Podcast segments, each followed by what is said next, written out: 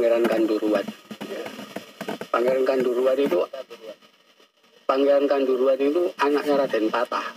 Jadi adike Sultan Trenggono dengan ibu yang asalnya dari Mojosongo, daerah Berbesana. Nah, setelah uh, berkuasa di sini, Pangeran Kanduruan menjadi raja di Sumeneb.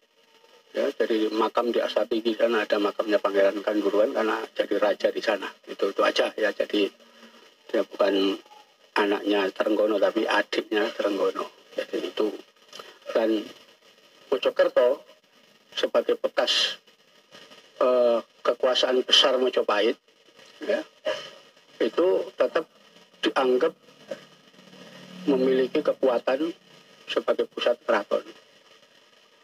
Itu pasca perang pertempuran 10 November, ibu kota itu pindah ke Mojokerto. Di Mojokerto inilah pertama kali rekonstruksi tentara nasional. Ya, dari PKR menjadi TRI, Tentara Republik Indonesia. Dan pertama kali di Mojokerto ini dibentuk PTRI, Polisi Tentara Republik Indonesia yang nanti akan jadi Korp CPM. Ya, jadi dulu namanya Petri, Polisi Tentara di, di Mojokerto ini. Nah, ada satu hal yang wajib kita ketahui, yaitu berkaitan dengan Mojopahit. Tentang sejarah bikinan Belanda yang itu sudah memecah belah kita. Ya. Belanda mencetak sebuah buku judulnya Kidung Sunda tahun 1927. Di situ diceritakan bagaimana kerajaan Sunda, ya, raja dan seluruh pasukan serta keluarganya dihabisi oleh Pati Gajah Mada di Bubat. Pernah dengar perang Bubat? Itu dongeng bohong. Ya, dibikin Belanda untuk mendiskreditkan Gajah Mada. Ya, jadi dulu tidak boleh ada tokoh yang dibanggakan itu nggak boleh. Kenapa? Ini sebagai cikal bakal perlawanan terhadap kolonial. Dibikinlah naskah itu. Karena itu kalau kita cari naskah di kerajaan Sunda sana, cerita perang bubat di sana. Ya. Naskah lain nggak ada juga. Ya. Jadi nggak pernah ada. Cerita itu tidak pernah terjadi.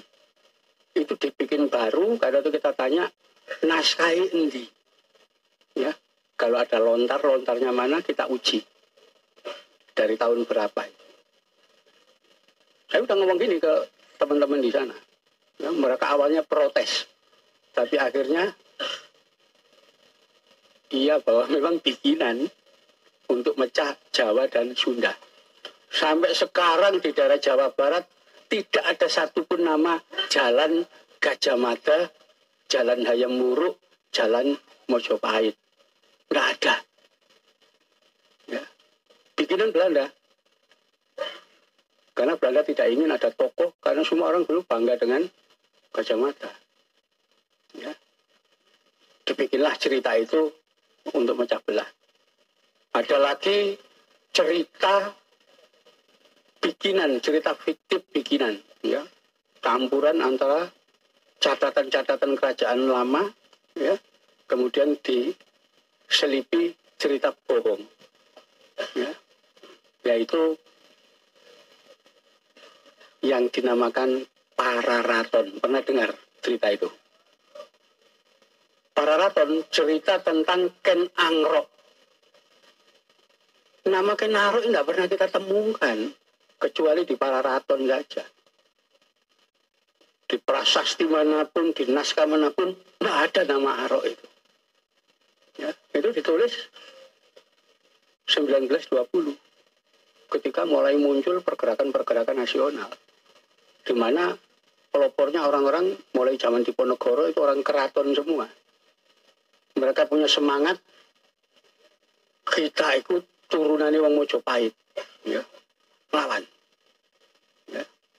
Jadi zaman Diponegoro itu juga merasa bahwa leluhurnya itu keturunan dari Mojopahit Bondan Kejawen macam-macam itu orang dari sini. Itu mau dipatahkan oleh Belanda jangan sampai ada perlawanan. Dibikinlah cerita Ken Angro ya, bahwa rojo-rojo Mojopahit yang dibanggakan wong Surakarta, wong Jogja, wong Mangkunegaran, orang-orang dari mana-mana. Sebetulnya turunannya wong Singosari. Dan rojo-rojo Singosari turunannya kan Angro. Anak haram, penjudi, maling, pemerkosa, orang yang paling jahat, ya, membunuh untuk kekuasaan. Loh, leluhur wong ratu-ratu Jawa. Nggak ada cerita itu, nggak ada. Nama Kenaro aja nggak ada. Ya.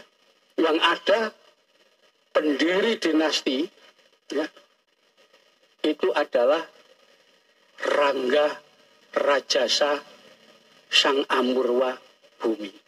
Kenapa? Itu ditulis oleh cucunya ya. Seminingrat Wisnuwardana itu Raja Singosari dalam prasasti Mula Malurung ya. Dia sebutkan kakek saya namanya Rangga Rajasa Sang Amurwa Bumi. Punya anak namanya Anusa Nata Anusopati. Anusopati punya anak Wisnuwardana Seminingrat jadi di prasasti itu disebutkan Anusapati itu anaknya Rangga Rajasa. Kok di para raton Anusapati anaknya Tunggul Ametung. Dari mana nama Tunggul Ametung muncul itu? Ya. Nama Tokjoyo, Ken Umang, nggak ada. Ya.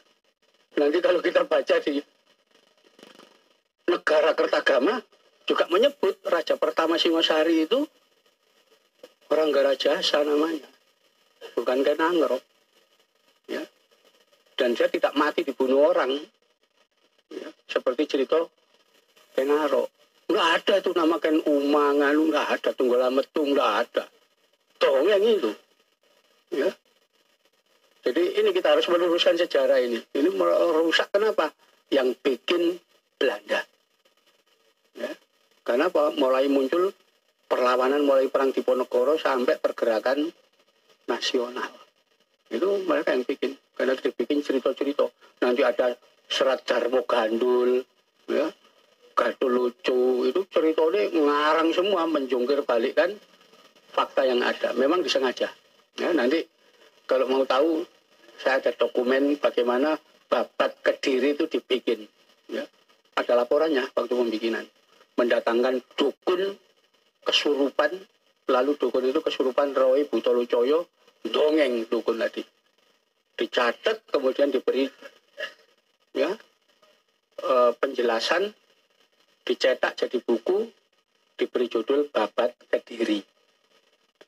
Yang merintah Belanda ada notulensinya catatan itu ada. Semuanya bikinan Belanda.